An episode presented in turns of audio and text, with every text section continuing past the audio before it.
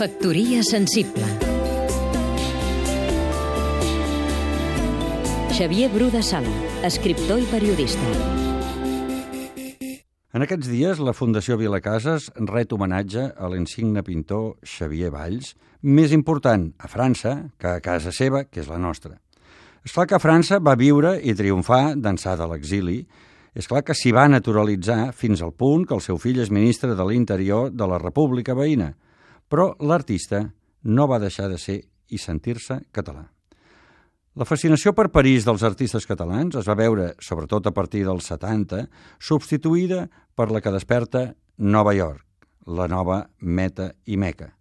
Tot i això, París sempre serà París, però potser els catalans deixarem de ser injustos amb els nostres artistes, s'hagin instal·lat en un indret o altre, o encara més, hagin estat coneguts i reconeguts a fora i més o menys ignorats a casa seva, que és la nostra.